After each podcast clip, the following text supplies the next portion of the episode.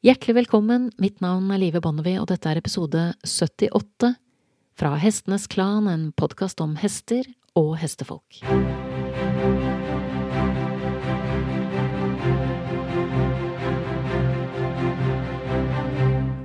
Denne helgen så har jeg vært på en klinikk med doktor Gert Heuschmann. Han er veterinær, berider, foredragsholder og ikke minst kjent som forfatteren bak boken Tug of War – Classical versus Modern Dressage fra 2007. En bok som tar for seg hvorfor trening basert på klassiske prinsipper virker, og ikke minst utdyper hvor negativ effekt det kan ha på hestens helse og velferd om man ikke rir korrekt. Ingenting av dette er egentlig kontroversielt. Alle vet vi at det vi gjør på ryggen til hesten får konsekvenser. Men det har likevel tidvis stormet rundt denne frittalende tyskeren, slik det gjerne gjør når noen utfordrer systemer der det er store økonomiske interesser. Han fulgte opp med DVD-en If Horses Could Speak som kom ut i 2009.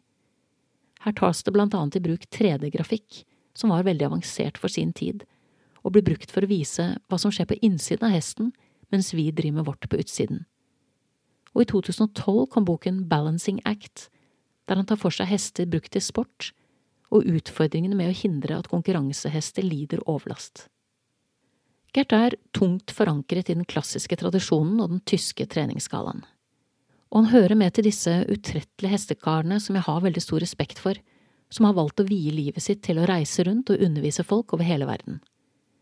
Ikke for det, det finnes nok av eksempler på folk som må reise ut til nye territorier fordi ingen vil bruke tjenestene deres der de kommer fra, ofte med god grunn. Men Gert er definitivt ikke en av dem. For noen har det å spre kunnskap i seg selv en verdi. Det ligner et kall, tenker jeg. Når man har opp mot 200 reisedager i året, og står og fryser i skandinaviske ridehus på en tid på året da det er bortimot umulig å være komfortabel der, og likevel ser ut til å trives med det. Gert er en dyktig formidler og en engasjert instruktør. Jeg liker særlig godt at han gjerne starter økten med å gå sammen med hesten med hendene på tøylen, for å kjenne på og kunne komme med innspill med tanke på kontakten, og fordi han selv vil vite hvordan hesten responderer før han begynner å undervise. Jeg liker også at han gikk fra å operere skadde hester som veterinær, til å undervise hvordan man unngår skader isteden. Han startet med teoriøkter begge dager, men jeg eh, sleit litt med helgejobbing, rett og slett, så jeg fikk bare med meg søndagens teoriøkt. Og der var det jo mye kjent stoff for min del, siden jeg har fulgt litt med på ham i mer enn ti år.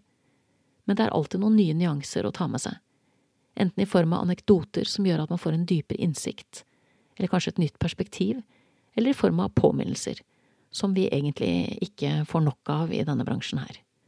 Det er ingen tvil om at trening i henhold til klassiske prinsipper er en vei å gå som krever mer av oss som ryttere, men så gir det også mer tilbake.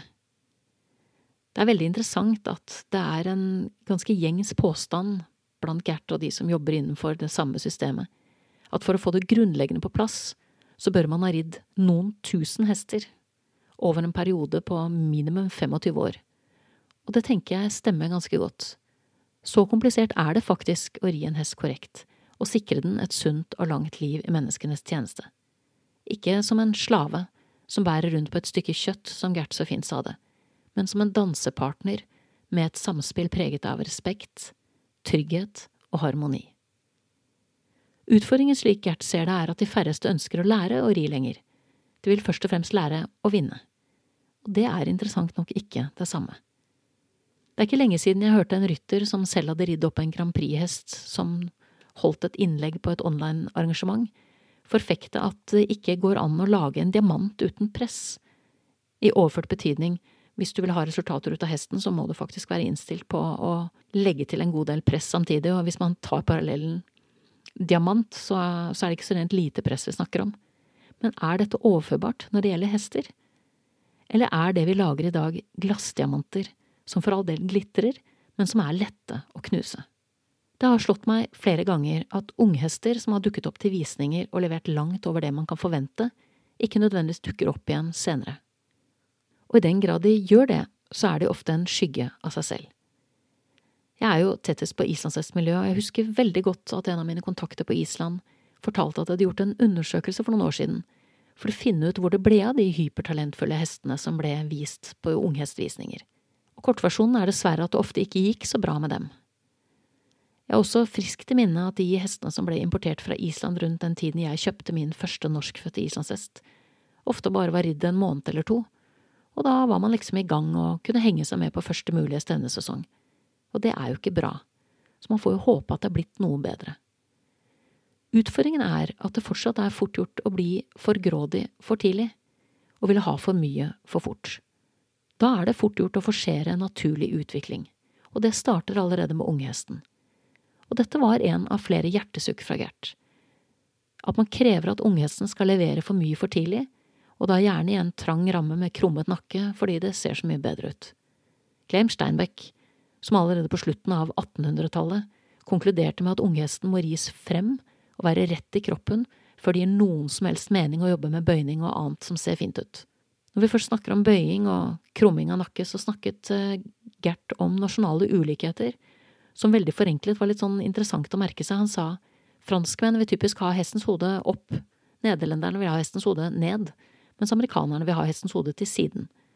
Og det ledet ham inn på en av hans store hjertesaker, og det er at hesten selv må få bestemme hvor den plasserer nakken sin.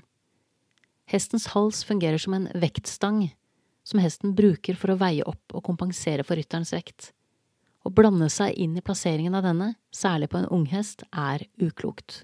Felix Birkner var en tysk offiser, som var regnet som en av de mest innflytelsesrike instruktørene på 20-30-tallet, og han beskrev innridningen av unghesten sin slik, ifølge Gert.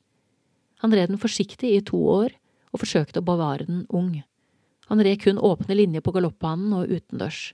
Fokuset var på skyvekraft i fri trav og galopp, uten å berøre munn eller påvirke nakke. Han tilbød bare myk, lik kontakt på begge tøyler. Det var alt han gjorde, i to år. I dag er tendensen ofte at vi ser at vi er for raske med unghestene. Vi forventer at de skal gå på høyskole og universitet, men hopper bukk over grunnlaget de skulle hatt med seg fra barnehage og grunnskole. Det er helt avgjørende at hesten finner sin balanse først, ung som gammel, for vi er ikke alltid ettergivende nok med voksne hester heller.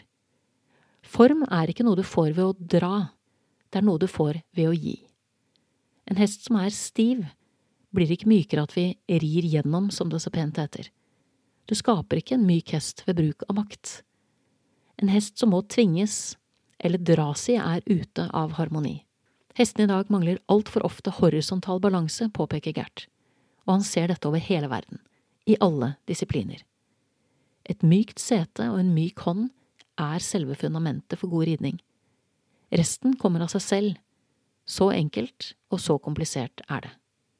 Jeg må si det var en fornøyelse å følge med fra sidelinjen denne helgen og se effekten av det Gert selv omtalte som kunsten å gi i praksis.